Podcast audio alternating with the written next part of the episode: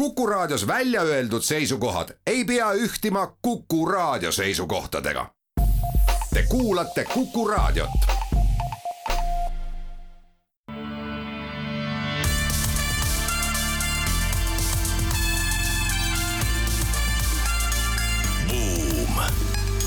buumile annab hoogu SEB Pank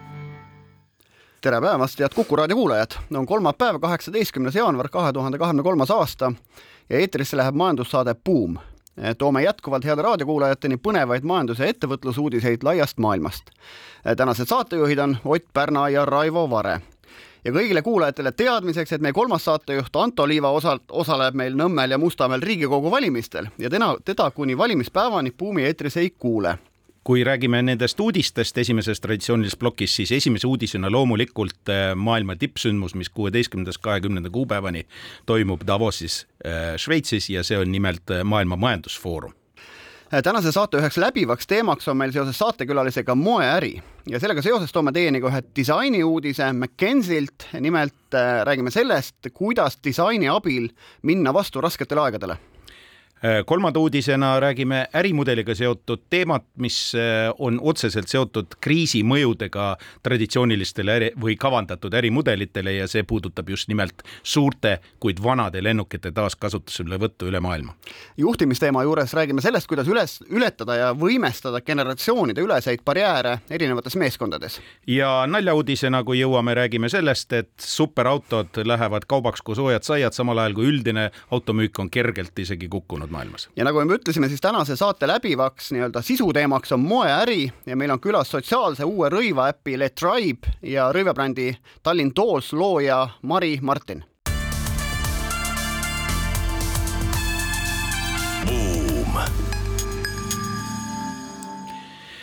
Davosis on koos äh, maailma tipud, nii poliitika kui ka äh, majanduse tipud, ka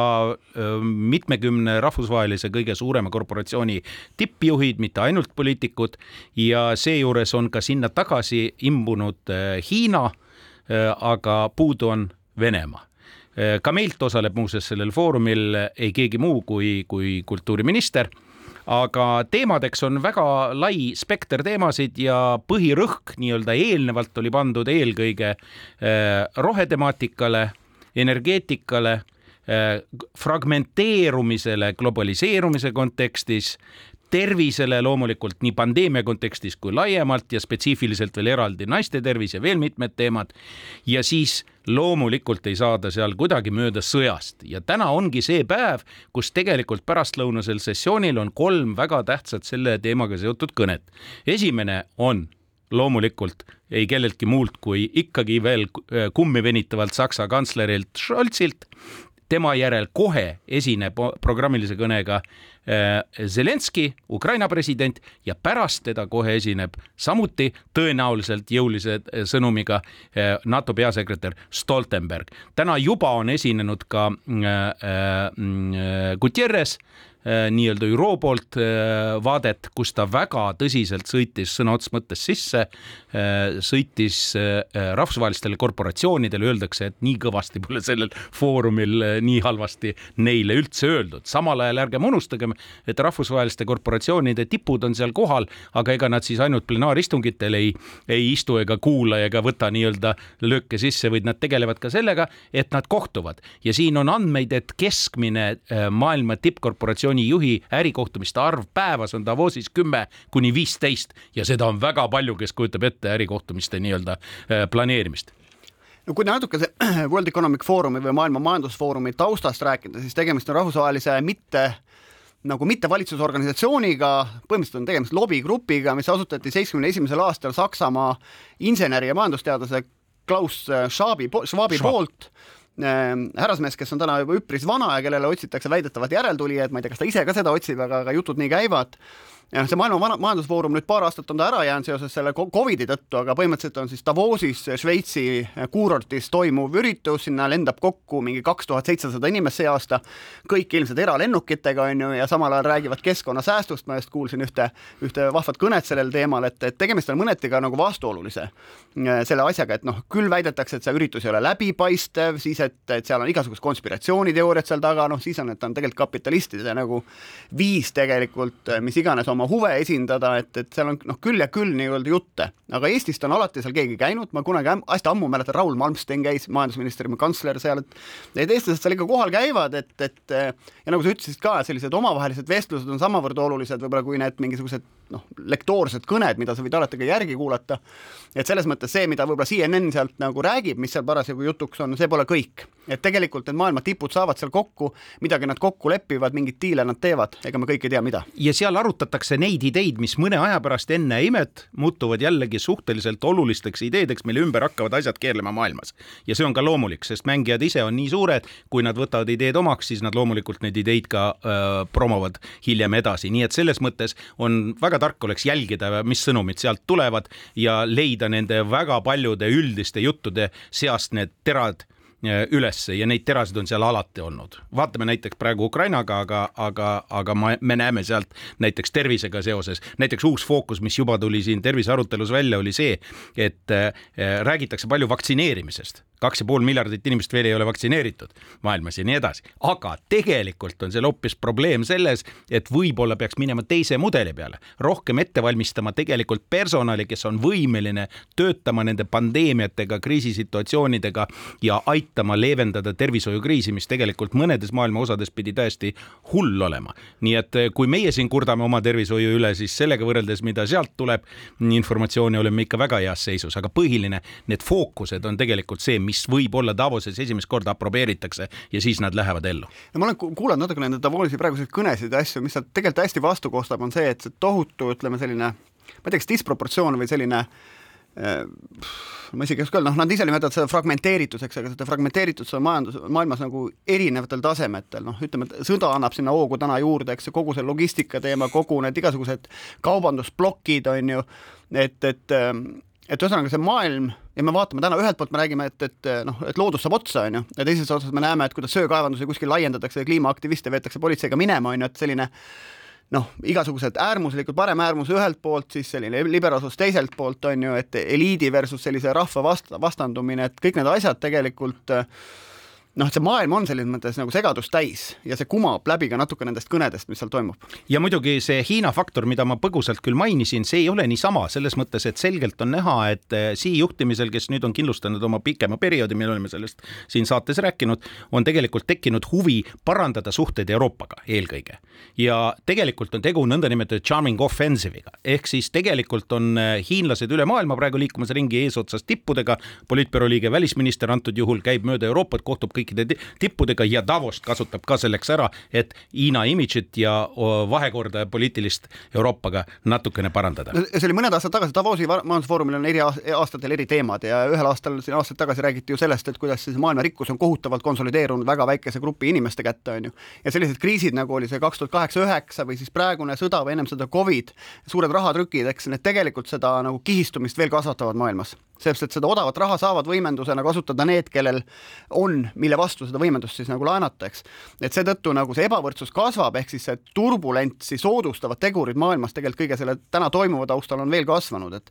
Ja mulle jäi silma ka see, et kui sa just mainisid, et, et nad lendavad siin era, eralennukitega kohale, et siis äh, tegelikult arutati ka seal selle metaversi loomist, äh, mis siis äh, võib-olla edaspidi ei peagi eralennukitega kohale lendama, et siis saavad just neid ideid jätkata siis selles metaversis. Ja võib-olla isegi see lahendus selleks metaversiks, ma olen seal Decentralize'is küll kolanud ja seal võib-olla kuidagi ei leidnud sellist ahaa-momenti veel, mis seal nii põnevat võiks olla, aga see lahendus, et et võib-olla tõesti edaspidi siis äh, rääkida ja arutada neid kliimamuutusi teenuseid siis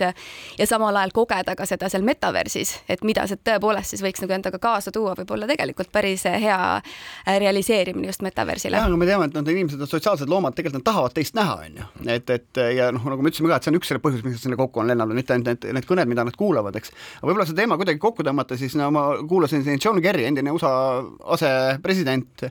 kõnet, kuidas ta rääkis tegelikult ettevõtjatega seda, et, et kuulge, et, et ma ei tea, neljakümne kolmandal aastal on ju, me suutsime tegelikult madalal tasemel kiirelt teha otsuseid, kuidas panna kinni õhuruum, ma ei tea, maailma mered selleks, et teine maailmasõda ära lõpetada, on ju. et täna me igasuguseid tuuleparke ehitame siin kakskümmend aastat, ei saa lube, on ju. et me peame äkki nagu jalad kõhu alt välja võtma, ma ei tea, madalamal tasemel otsuseid tegema kiiremini, et, et see on võib-olla üks märksõna, mis siit üles korjata. aga teeme siia väikese pausi ja siis tuleme tagasi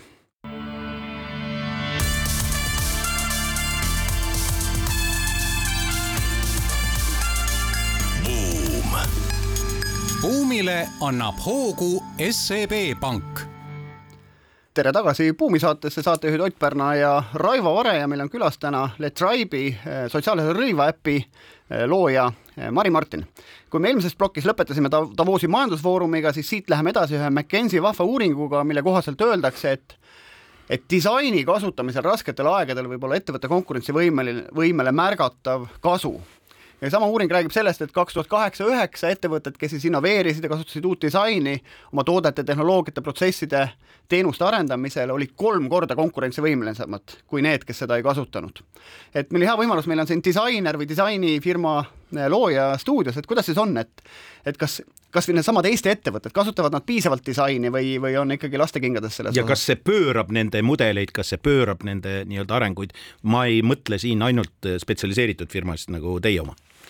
ja kui ma jätangi, kui ikkagi siiski omaenda kogemusest räägin ja ei räägi võib-olla ainult tootedisainist endast, vaid räägin võib-olla üldse protsesside disainist ja mõtlen selle peale ja ja siis, ja siis ärimudeli enda disainist, siis nagu meie jaoks nagu ärimudeli disain on praegu kõige olulisem ja ja võib-olla ka just seda, et kui me tahame keskkonnasõbralikke lahendusi tuua moodi, mida me täna väga tahame, siis äh, me näeme, et selline ärimudeli äh, just disain on kõige olulisem osa sellest. et meil on raske pakkuda inimestele keskkonnasõbralikke tooteid, öeldes, et see on kolm korda kallim, et aga noh, et see on keskkonnale kasulik, et palun, et, et toeta seda. teades, et olukord praegu täna on juba niikuinii kriitiline paljude inimeste jaoks, et siis seetõttu me peame selle mudeli ise ümber pöörama, et keskkonnasõbralik disain oleks kättesaadavam ja efektiivsem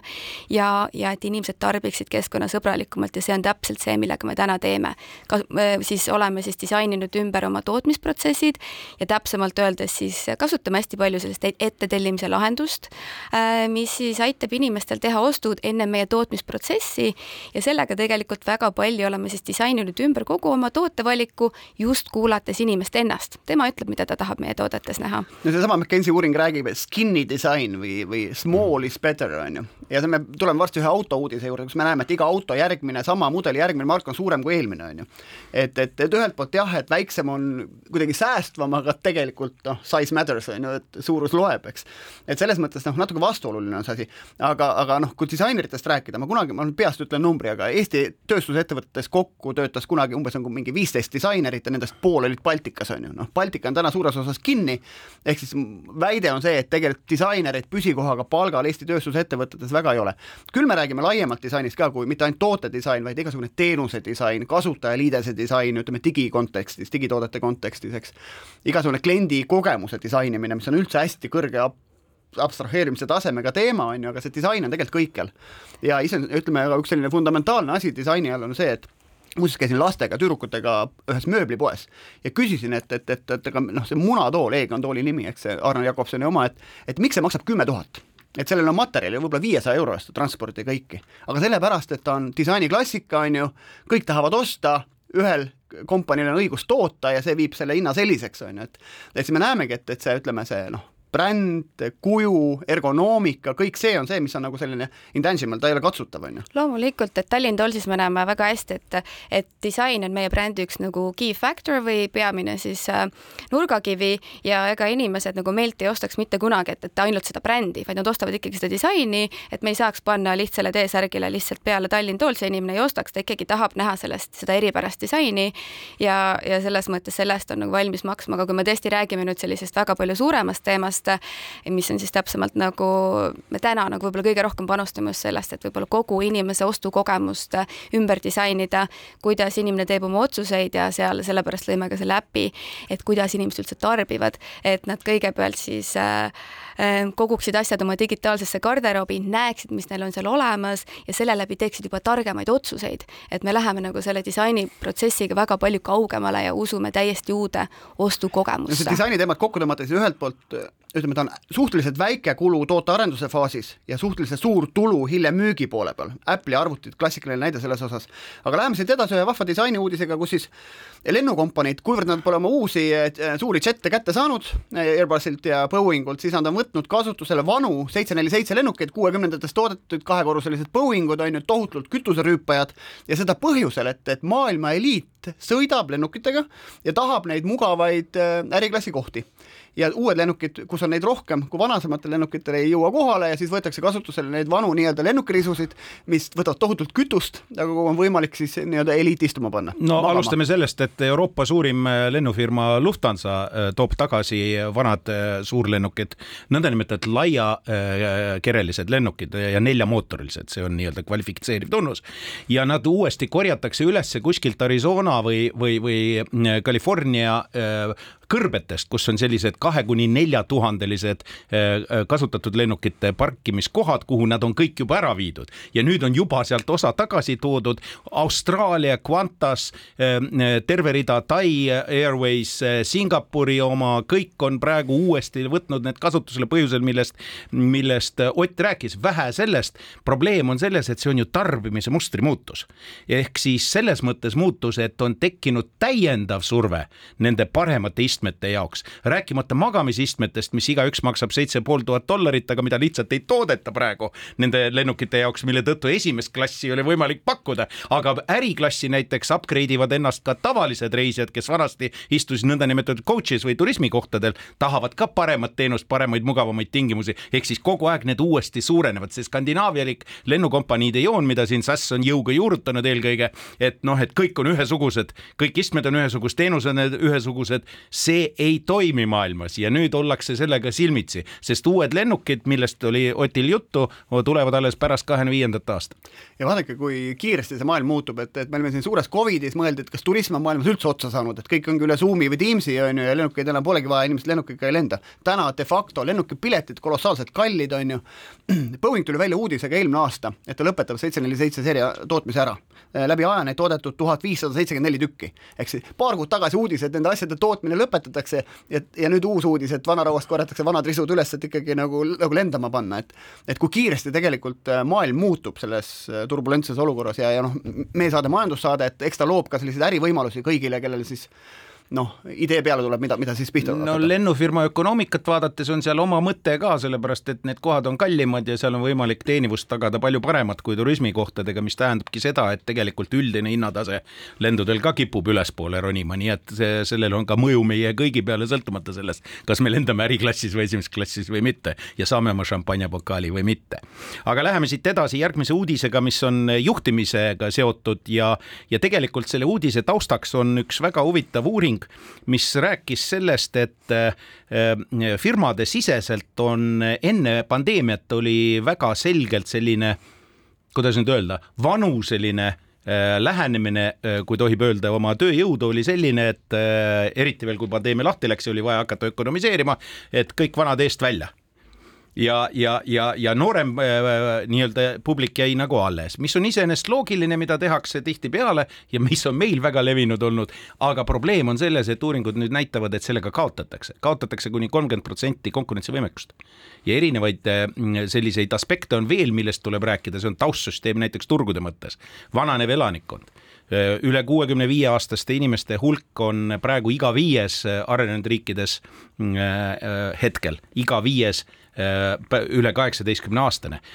kolmekümne neljandaks aastaks, kahe tuhande kolmekümne neljandaks aastaks äh, on äh, üle kuuekümne viie aastaste inimeste hulk suurem kui, kui kaheksateistaastaste inimeste hulk ja nii edasi, nii edasi. me vananeme, midagi teha ei ole, see on demograafia, see ei ole meie tänane teema, aga sellega tuleb hakata kohanema ja mis on oluline, on efektiivsuse element olemas kui on ärimudelis vaja sul haarata laiemat segmenti, laiemat turgu, kui sul on vaja tagada efektiivsus, toimimine, järjepidevus, muuseas ka ajalooline mälu on teatud mudelites tähtis, kõik need asjad tegelikult on äh, seotud äh, vanuselise struktuuriga, ehk siis osa võtmeisikuid peavad olema natuke vanemad, ei ja, saa päris noored kõik olla kõikides Covidi ajal ennekõike seenioreid koondati ja nüüd ettevõtted vaatavad, et kurat, ajalooline mälu on ära kadunud, on ju. et, et ja ega sa ei saa neid enam tagasi. ja nüüd nad siin räägivad ka, et ühesõnaga, et, et kõigepealt ütlevad seda et, et kolmkümmend kuus protsenti edukamad on ettevõtted, kelle meeskond on mitmekesine ehk siis vanuselises mõttes, ilmselt kogemustausta mõttes, kas või kultuurilise tausta mõttes, eks. ja, ja kui me eri, ennekõike seenioritest räägime, siis noh, täna ütleme, üks püsivamaid, rikkamaid tarbijasseltskondi on tegelikult seeniorid ja ütleme, noored seenioritel oskavad ilmselt kehvemini midagi disainida või toota kui seeniorid seenioritele ehk siis ka selles mõttes, et tabada ära, mida su see sihtgrupp nagu vajab, sul on vaja selles sihtgrupis tegelikult inimesi tööle. absoluutselt, et ma ise kogen seda ka, et, et Tallintool siis on siis inimesi kahekümnendast eluaastast kuni kuuekümne viienda eluaastani, minu ema kaasa arvatud töötab minu ettevõttes ja, ja selles mõttes tõepoolest, isegi kui me tahame tooteid disainida, et, et, et mu ema proovib kõik need tooted läbi ja me ju teame, et ta nagu meie sihtgrupp samamoodi tarbijas poole pealt on ju sama suur, et kuidas me saame siis paremat tagasisidet kui ma ei testi ja ei proovi neid samu tooteid nagu enda, enda meeskonna peal läbi ja rääkimata sellest, kuidas me tahame sellesama tarbijaga rääkida, et nemad oskavad ju ka kindlasti kõige paremini nõu anda, kui me enda tiimi sees on siis noh, selle, selle vanusegrupi esindajad, et kuidas nendega juba kommunikeerida, et äh, kindlasti on nagu no ja, kuskilt keegi kunagi ei ütle, et, et see on nüüd äh, pensionäri toode, on ju, et aga tegelikult me teame, et teatud asju, noh, samad maitsed on ju erinevad, kuulge, mina olen pensioniealine, ma tean, et mu maitse on muutunud no, no, ajas. oota, Raivo, sa oled näide, on ju, miks sa ei sõida sportautoga, keeruline sisse minna, veel raskem välja tulla, on ju, ja sa sõidad Willis sellisega, on ju, eks? Yeah.. et, et või, või kõrgete autodega, et tegelikult noh, toodetakse ilmselgelt seda sihtgruppi silmas pidades, aga seda alati ei öelda, eks. ei, seda ei ole vaja öelda jah, et ja. piisab sellest, kui pildi peal on see inimene olemas ja seda kindlasti kuskile toote nimesse kirja panema ei pea. Aga fakt on see, et Harvardi uurijatel on ilmselgelt õige, õigus, see avaldati Harvard Business Reviews, see uuring ja, ja see on teema, mis tegelikult hakkabki tõusma nendel samadel põhjustel, millest ma siin põgusalt rääkisin, kuna üldine arenenud turgude tarbijaskond vananeb, midagi teha ei ole, see on objektiivne protsess protsessi ja sellega peab hakkama rohkem kohanema, kui siiani on kombeks olnud. ja, ja mida nad siin soovitavad tegelikult, et esiteks on see, et ähm, tuleb üle vaadata siis kompensatsiooni ja igasugused äh, motiveerimise paketid, arvestades seda seltskonda ähm,. igasugused töö nagu sellised ähm, noh, töö, tööpraktikad, kas või see, et, et ei pea võib-olla viis päeva nädalas, võib-olla neli või kolm päeva nädalas, ehk siis, et töö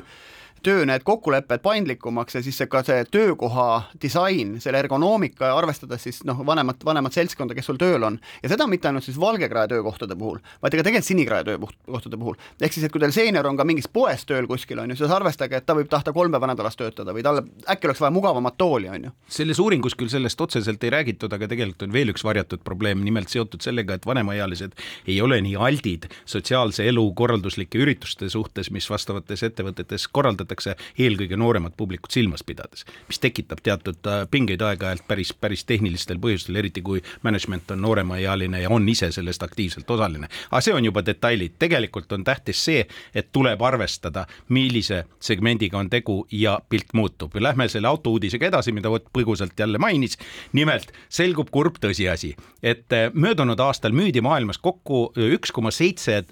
protsenti vähem autosid seda seejuures, kus Hiinas on tõusnud ja väga paljudes turgudes on tegelikult kasv toimunud, aga kokku müüdi vähem kogu maailmas autosid, natukene vähemalt. ja nüüd samal ajal olid veel need probleemid, mis seondusid seal nende komponentide raskuste, tarneraskustega, džippidega ja nii edasi. me oleme sellest rääkinud. nüüd, mis selgus Economisti värskest uuringust, tuleb välja, et luksautode klassis on hoopiski müügid kasvanud ja näiteks Rolls-Royce on kasvatanud üle kaheksa protsendi oma müüki, sisuliselt ei jõuagi rohkem kasvatada, ei jõua neid teha nii palju ja, ja Ferrari on saavutanud kahekümneprotsendilise müügimahtude eh, kasvu, mis on täiesti pretsedenditu. miks? Siin võib arutada, ilmselt on selle taga ka soov inflatsioonilises keskkonnas parkida mingi osa rahast äh, ära nendel, kel seda raha palju on, eks ole, sest need, kel vähe on, need ostavad odavamaid autosid ja ostavad vähem. aga nii see on ja see on meie päris maailm, sellega tuleb arvestada. jah, et luksusautode üle saja tuhande maksvate autode äh, müüginumbrid kasvanud kuus ja pool protsenti aastas, et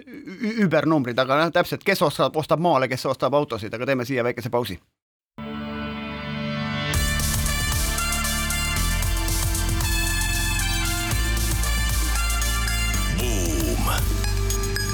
Buumile annab hoogu SEB Pank.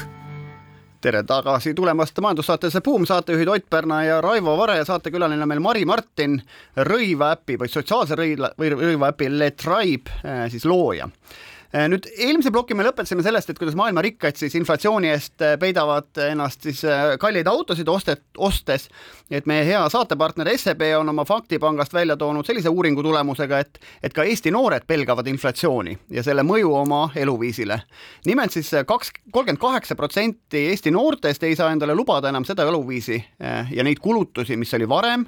nelikümmend üks protsenti kaheksateist kuni kahekümne ühe aastast, üheksa aastastest on sunnitud vähendama kulutusi meelelahutusele, kolmkümmend viis protsenti nendest riietele, kingadele ja muudele aks-, aksessuaaridele, jah, ja, ja ka toidule ja muule sellisele. ja väga olulised on ka laenukulud, just see, et kui me räägime kaheksateist ülesse vanuses, kes on laenu, laenu võtnud või kakskümmend viis kuni kakskümmend üheksa vahemikus, et et see kallinev inflatsioon avaldab mõju ka puhtpraktilisele elukorraldusele eh, noorte puhul, et, et eh, Mari, kuidas on, et, et kas, kas noortele disainitakse ka seetõttu odavamaid riideid, kas noored ostavad odavamaid asju või, või ikkagi, et raha on küll vähe, aga ma ostan ühe, aga kalli? Äh, no igatahes meie poolt on küll selline lahendus pigem, et, et kui sa nagu tahad soodsamalt saada, siis võib-olla teed kompromissi kuskil mujal ja siis sa tellidki ette, sellepärast et ette tellides on meil näiteks hind soodsam. ehk see tähendab seda, et sa ootad natukene kauem, et kui sa tahad kohe ja kiiresti kätte saada, siis sa peadki ka sellest natukene rohkem maksma. ehk võib-olla see paneb inimesi mõtlema mingisugustele teistele lahendustele, kustkohast võiks seda nagu rahalist võitu saada. et see on üks asi ja teine asi võib-olla, mida me hästi palju oleme mõelnud ja mida me just Letribe äpis nagu teeme, teeme, et inimesed oma ostmiseid rohkem planeeriksid. ja kui varem võib-olla inimesed ostsid siis päris palju niimoodi selliseid asju, et nad isegi ei teadnud, mis neil garderoobis on olemas ja ostsid sellesama asja uuesti, et see oli kõik kuskile sinna, kuskile garderoobi põhja ära pakitud ja nad ei teadnudki seda. või siis noh, ostsid selliseid asju, mida nad tegelikult äh, kaua aega kandnud, me teame statistika alusel, et inimesed kannavad vähem kui nelikümmend protsenti oma riidekapist, ülejäänud asjad lihtsalt seisavad. aga see on ju ka tegelikult rahaline kulu, et seda nad saavad ju täna kokku hoida siis selle arvel. ma tean seda statement'i, terve elu on šopanud, ikka pole mitte midagi selga panna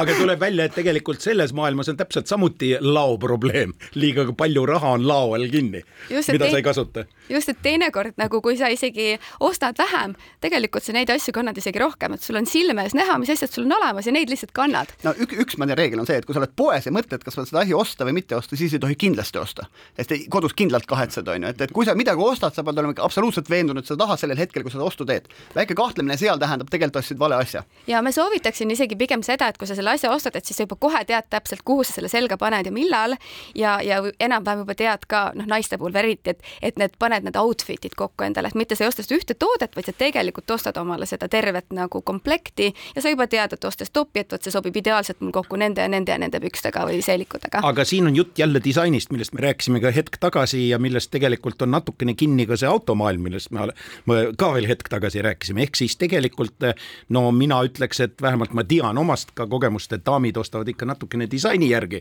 autosid, mitte sugugi alati selle järgi, funktsionaalsuse järgi, nagu näiteks mina ostan. absoluutselt, ma pean ütlema, et, et koleda autoga ei oleks ma mitte mingisugusel juhul nõus sõitma, kuigi ma mingi suur autoinimene tegelikult ei ole. aga täpselt, et mul oli hea meel tegelikult vaadates ka seda nimekirja siis, mille eest siis inimesed on nõus maksma, mis, milliseid luksusautosid ostetakse, siis kõik need, mis seal topis on, siis Ferrari, Porsche, Tesla, et inimesed maksavad vähemalt hea disaini eest, et mul oli sellepärast nagu seda nagu hea lugeda. aga vahepeal vaadates ja valides ise autot ja mulle minu maailmavaatega on keskkonnasõbralikud autod väga olulised äh,, siis äh, keskklassi nagu elektriautod on lihtsalt no tõepoolest raske leida lihtsalt hea disainiga autot, justkui nagu ei soodustatagi inimesi nagu keskkonnasõbralikult. no ühelt poolt on nagu see, et odav on noh, tähendab odavad materjalid, sa ei pane seda autot nahka täis või mingeid noh, kalleid materjale lihtsalt plastmassist odavam teha, aga ma arvan, et see on teine teema, maailmas üldse umbes kümme head autodisainerit ja need liiguvad ühest kompaniist teise, siis sa näed, kuidas see disaini käekiri tegelikult muut-, läheb ka ühe, ühest teise.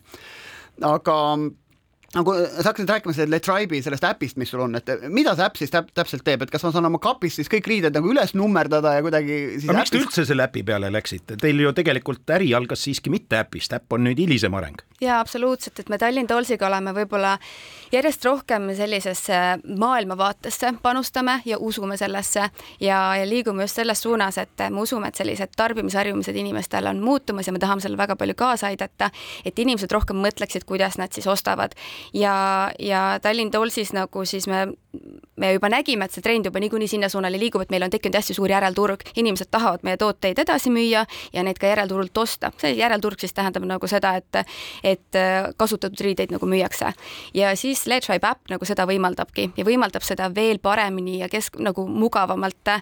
ja selle tõttu siis, et meil on seal olemas selline nagu digitaalne garderoob, mida iga, iganes inimene ostab, ta saab selle kohe automaatselt meie käest ostes sinna garderoobi, digitaalse garderoobi alla laadida ja kohe, kui ta on seal olemas, siis kui ta tahab seda kunagi edasi müüa, siis on üks klikk tal on kõik andmed seal olemas, tal on olemas tootepildid, tal on olemas tooteinfo, ta ei pea pärast üldse, ta ei pea muretsema nagu edasimüümise pärast siis, kui tal enam seda toodet vaja pole. kas sul on mingisugune QR kood selle riitega kaasas või kuidagi nii või? ei, kui ta ostab selle meie äpist, siis ta läheb lihtsalt äh, seal selles äpis endas on see digitaalne garderoob ka olemas ja ta läheb kohe automaatselt sinna digitaalsesse garderoobi üle. ja kui sa ei osta seda meie äpist, siis seal on lahendus, kus sa saad selle siis äh, lihtsalt urlringiga sinna garderoobi lisada. kuidas ma ta kapist üles andmed... leian, kui tal numbrit küljes pole? selles mõttes ei kapisse pead sa ikkagi nagu ta ise nagu üles leidma, aga vähemalt sa näed, ta ei kao sul kapis ära, et me teame lihtsalt nagu äh, statistika ja siis inimeste uuringutest, et asi on lihtsalt selles, et nad ei tea, et neil isegi asjad nagu kapis, nad ei mäleta, et nad on neid asju ostnud, et nad on kadunud kuskile aga meil Otiga on ühine kogemus ka Arengufondi aegadest ettevõttest, nimesid nimetamata, kes tegelikult tegeles mõõduprobleemiga. ehk siis, kuidas teie tagate, et noh, et ma saan valida mitte lihtsalt ainult see, mis mulle meeldib disaini mõttes, vaid seejuures see ka vastab minu, minu mõõtudele, kuidas see toimib? No see tuleb tagasi selle disaini juurde, võib-olla sellise funktsionaalse disaini juurde, selle peale ma mõtlen nagu disainerina hästi palju ja siin mõtlen seda, kuidas siis seda disaini teha niimoodi, et ta oleks võimalikult universaalne, paljudele inimestele sobiks, kehatüüpidega sobiks,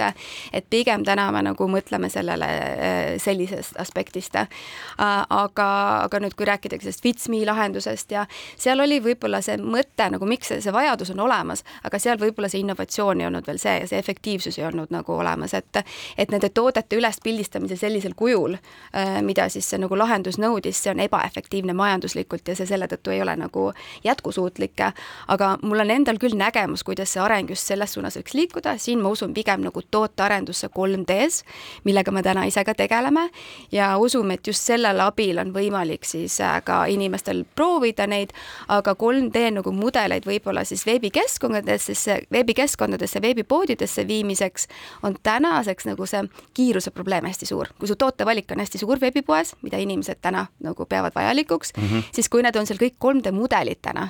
eh, siis see teeb selle lihtsalt nagu mahalugemine tehnilistel põhjustel. aeglaseks, jah ja., just. et, et ma usun, et siinkohal see lahendus tuleb, et kui on need 3D mudelid olemas, siis inimesest me 3D mudeli saame teha ja siis need saab kokku viia, et siis ta on palju efektiivsem lahendus no kes ei tea, Tallinn, Tallinn Tollsi näol, millise ettevõttega on tegu, siis kui te olete näinud selliseid kleite, kus on kirjas mis iganes või, või ma ei tea, Strongest või mingid sellised, siis on need, need on teie toode, ma saan aru? on ja see on tõesti päris populaarne toode. ma võin ette lugeda, rohkelt stiili, pisut julgust, sada grammi elegantsi ja näpu otsatäis vürtse on see iseloomustuseks keegi kirjutanud. selline retsept on tõepoolest, kirjeldab Tallinn Tollsi aga kui veel rääkida trendidest äh, rõivaäris, et, et kuhu poole see maailm on minemas, et äh, näiteks see, et inimesed ei taha tegelikult omada, ma tahaks laenata, et kui populaarne on see? me näeme seda trendi, aga pigem aeglaselt, et, et jah, kõige suurem trend praegu ikkagi on see järelturg, et inimesed äh, ka siis tarbivad mõlemat moodi paralleelselt korraga, mitte nii, et ühed inimesed tarbivad ainult järelturgu ja teised äh, ostavad siis uusi asju. pigem siis nad teevad mõlemaid ja sellepärast ka oleme sinna äppi need mõlemad kokku toonud, et tänased lahendused peamiselt on nii, et kas see siis nagu on äpp siis nagu järelturu jaoks või siis on siis uute toodete jaoks, et meie usume, et see normaalne ostuharjumus on ikkagi kombinatsioon mõlemast. Teie suur turg, loodetav turg on USA te olete liikunud Ameerikasse ja äpp on siis see vahend, mille kaudu te sinna äh, sisenete sellele turule, mis on ju keeruline väga. aga mis seal eripärasid on ja kuidas teil läheb? ja et selles mõttes USA-s ütleme järelturg ka väga suures kasvavas trendis, üks suur tegija on seal Poshmark, aga nagu ma ütlesin, meie erinevus on selles ja võib-olla ka meie suur konkurentsieelis, et järelturg meie jaoks on tasuta, kui kõik tänased äpid on sellised tasulised, siis meie mitte mingisugust vahendustasu nagu toodete edasimüügist ei võta, et see on meie puhul nagu teistmoodi. aga kus teie nii-öelda äh, tulu siis on, kui te, kui te edasimüügis isegi ei osale? ja et kuna meie äpis müüakse nii uusi tooteid kui ka kasutatud tooteid, siis meie ärimudel on pigem ikkagi nende uute toodete pealt ja see on siis kokku viidud ja tänu sellele, et neid uusi tooteid me ka müüme, siis tänu sellele ka see protsess tooteid edasi müüa on palju lihtsam me teeme siia väikse pausi ja siis tuleme ka põnevate moeteemadega tagasi.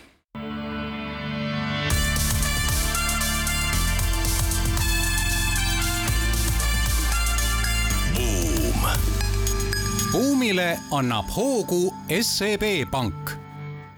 tere tagasi kuulamaks majandussaadet Buum, oleme jõudnud saate neljandasse plokki, et kui saadet alustasime Davosi majandusfoorumite ja suur, suurte majandusteemadega, siis hetkel oleme rääkimas moeärist, meie saatekülaline Mari Martin, sotsiaalse rõivaäpi Le Tribe asutaja ja ka siis rõivabrändi Tallinn Dolls looja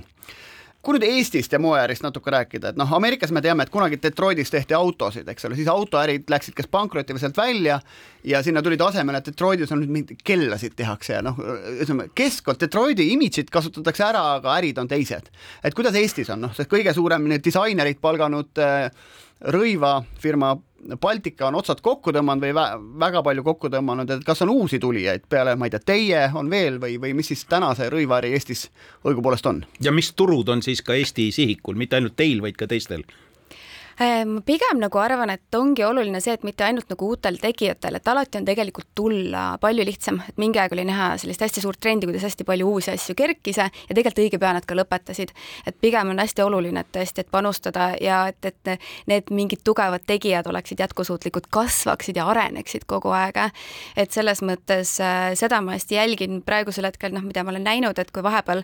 ma ise pidasin väga suureks iidoliks äh, rõi-, äh, just selliseid lasteriiete brände nagu Breden Kids, et kuigi ma nagu nägin, et müüginumbrid aina kasvavad, aga no selles äris on ju raske just selline kasumlikkust säilitada, et siis ikkagi, isegi kui müüginumbrid kasvavad, nad tõmbavad ka siis äh, toodetel, jätavad siis alles ainult äh, näiteks äh, mütsid ja mingid üksikud tooted,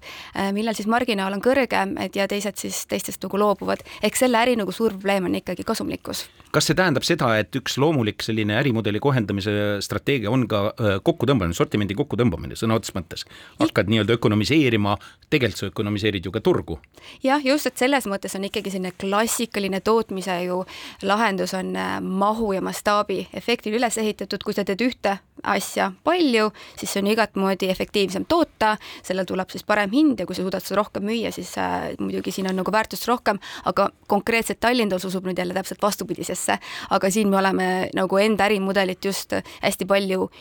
võib-olla toonud siia tehnoloogiat, innovatsiooni, mis aitavad meil just siis äh, seda efektiivsemaks muuta. aga kas, no ma vaatan Marati näide, Marat on nüüd tagasi vana, vana bränd on ju ja nüüd teevad siis, ma saan aru, neid eh, Sametist on ju kaks suurt Samet-rulli on ostnud sinise ja punase, eks ole, ja teevad sellised hommikumantlid ja dressipükse, millega käis kunagi Hugh Hefner, Playboy peanik, eks. et, et kas see, see et kõigepealt, kas sellist samettoodetele on turgu üle maailma, et, et kui sa teed ka paari toodet, et sul on võimalik neid mahu mõttes hästi palju müüa ja teine asi, sellise vana brändi elustamine, nagu Marati elustamine on, kas see tasub ennast rohkem ära kui siis uue brändi loomine? Äh, Marat on küll minu meelest väga hea sellise rebrandingu teinud ja see selline retro stiil tundub, et läheb väga hästi peale, mulle endale ka nagu meeldib. et äh, ja jällegi kord tõesti, et nad on ühes tootegrupis tugevad, see paistab silma linnapildis ja tegelikult kohe, kui sa näed seda, siis sa tead, et see on Marat ja sul sa juba, et see nagu reklaamib iseennast juba. et äh, kas neil oleks nagu välisturgudel ähm, potentsiaali, miks ka mitte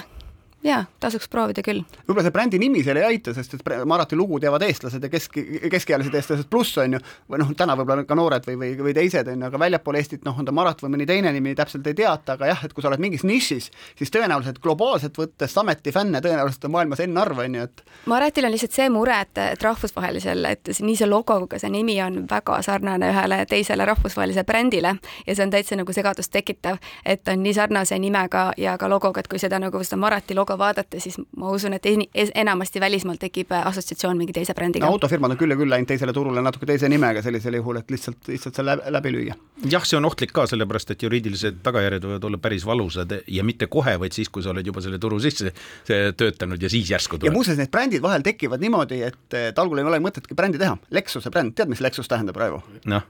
Luxury exports to US ehk siis Toyota luksmudelid, mida müüdi Ameerikasse, projekti akronüümist sai tegelikult bränd jah, minul kui juristil esimese hariduse järgi jällegi Lexus kohe seondub ladinakeelse lexi ehk siis õiguse temaatikaga. ka see on võimalik tõlgendus aga kui me oleme rääkinud klientidest, me oleme rääkinud Eestist rõivaäri tegemisest, et kuidas seda juhtida on, et kui Eestis taht-, tehta, teha rahvusvahelist rõivaäri, et kas see on eestlastega juhitav, kui sa Ameerikas toimetad, et pead sa Ameerikast inimesi palkama, kui oluline on, ma ei tea, turuteadmine selle juures? No võib-olla kõige rohkem on jah, selline turunduse teadmine kõige olulisem, aga muidu ma julgen küll öelda, et Eesti inimesed on nagu töötajatena väga efektiivsed, väga kohusetundlikud ja, ja olen oma nagu meeskonnaga äärmiselt rahul, et alati, kui ma mõtlen oma meeskonna peale, siis nagu kõik asjad saavad tehtud ja ja, ja see on, ma arvan, et üks nagu kõige olulisem asi, et lõpuks nagu asjad saaksid ikkagi nagu ellu viidud. Mm aga ma küsiks müüjate kohta. eestlaste probleem ei ole mitte töökus, ma olen väga paljude rahvusvaheliste firmade inimestega rääkides kuulnud, et jube hästi töötavad, ainuke probleem on müük, et äh, müügiinimesed agressiivselt ootavad telefoni juures, millal müüa saaks. et noh, et kas see probleem eksisteerib või on siin ka võimalik teil teisiti saada tulemust? Kuna mina, meie nagu töötame eelkõige siis e-kommertsis, siis meie müük on ju eelkõige seotud online reklaamidega, et see sellist nagu su-, nagu, nagu näost näkku suhtlemist meil ei olegi. et kui me räägime siis, mida siis meie jaoks nagu sellel kohalikul turul see suhtlemine või see müük tähendab ja mida, miks me siis vajame üldse kohalikku inimest, on pigem see, et, et mida me sinna reklaami paneme, et mida nemad, et mis pilti nad tahavad, millist inimest, noh näiteks USA-s kohe tekkis meil olukord, kus seal on ju see kultuuriliste eripärade või noh, seal peab ju olema see võrdõiguslik väga suur ka siis nagu kultuurilises aspektis, et noh, ei saa olla pildis ainult valged inimesed. meil Eestis siin ei olegi tegelikult ju nii suurt, eks ole ähm,, nii palju erisusi ja, ja, ja isegi modellegi vähem nagu võtta, eks ole, nagu kõikide rahvuste nagu pinnalt, et siis selles mõttes nagu meil kohe tekkiski olukord, et esi-, kui me ja eriti selle nimega Lead Tribe oli veel hästi suur äh, selles mõttes äh, poleemika, et see natukene tekitab siis äh, nendele kohalike, kohaletele siis kohalikele siis nendele indiaani hõimudele sellist ähm, ebavõrdsuse tunnet, et, et valged inimesed kasutavad siis sellist kommuuni äh, nime siis ähm, kaubanduslikule eesmärgile no,, mille peale poleks eales, mille ei oleks, mille peale ei oleks ise kunagi osanud tulla, aga USA-s nagu väga suur teema. jah, aga ma diskrimineerimisega jätkame siis ka, et, et, et noh, ütleme, kui sa teed selle pusa, mis on sul seljas praegult, on ju, ja nii, ja sa tahad samasuguse pusa keskmisele ameeriklasele, et kas sa saad seda sama raha eest müüa või? sest materjali on neli korda rohkem no et tõepoolest täna me veebipoodides mitte kuidagi ei näe seda, et need hinnad oleksid erinevad erinevatele suurustele, et et nii on jah, et siin ikka tuleb nagu keskmist äh, kulu arvestada. Ja mis me ka näeme, et järelikult materjalikulu on suhteliselt väike toote lõpphinnas, et tegelikult on kõik see muu ümber on see, mis tegelikult hinna kujundab. ja see oleneb, kus sa seda müüd. et kui me oleme ise täna nagu meie turg võib-olla rohkem on siis Los Angeles, seal siis võib öelda, et inimesed on nagu väga tervislikud, väga heas vormis, et äh, seal tõenäoliselt seda suuruse probleemi ei ole. kui sa nüüd jah, võib-olla sinna Kesk-Ameerikasse Kesk rohkem ja, ja tahad, et siis on absoluutselt teine, et need nagu erinevused Ameerikas on nii suured, et ega tegelikult ju alguses kohe ei saa ka minna Ameerikasse kogu Ameerikat vallutama, tuleb ikka mingisugune suund võtta. Et suure tõenäosusega meie selline maailmavaade sobib väga hästi siis, äh,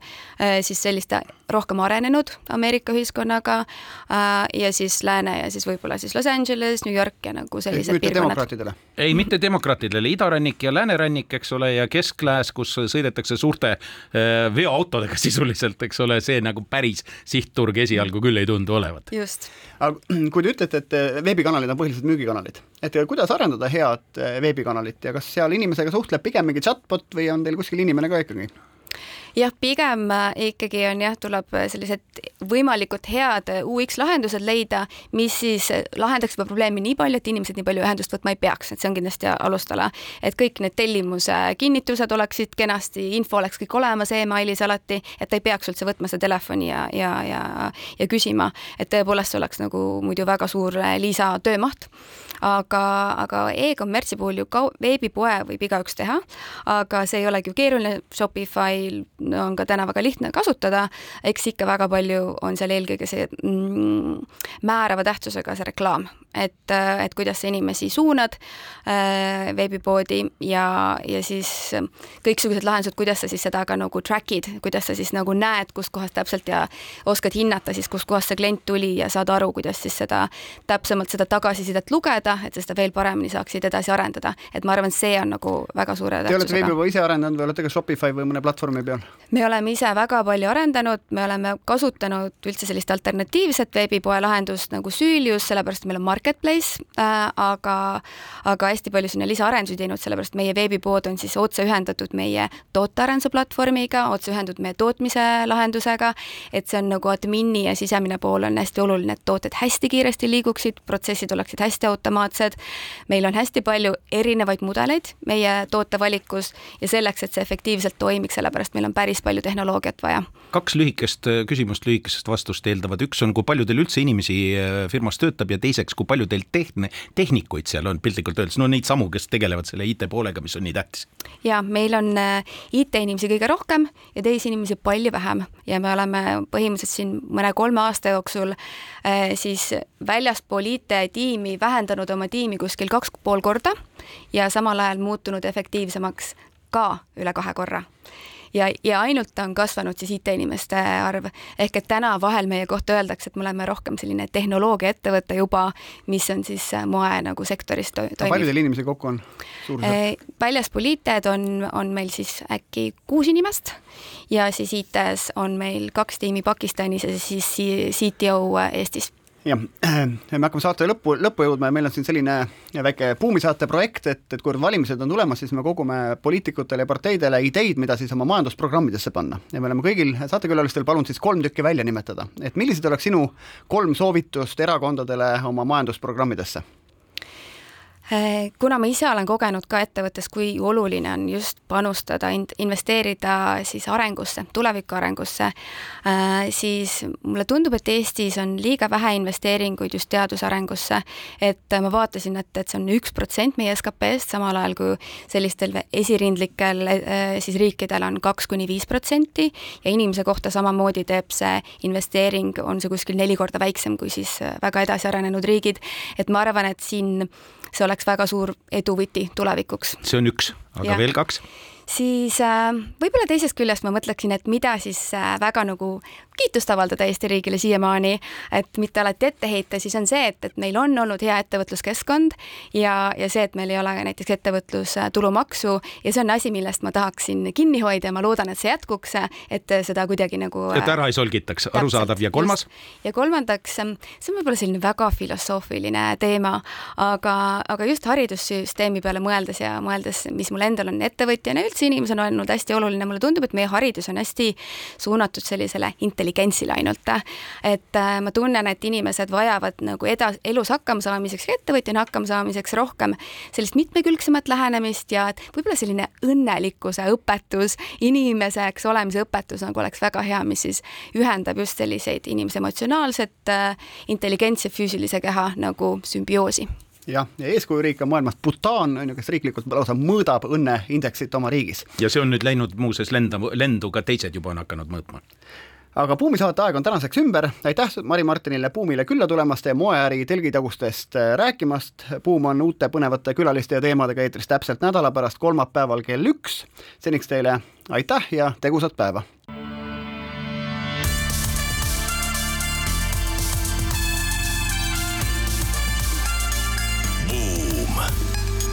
buumile annab hoogu SEB Pank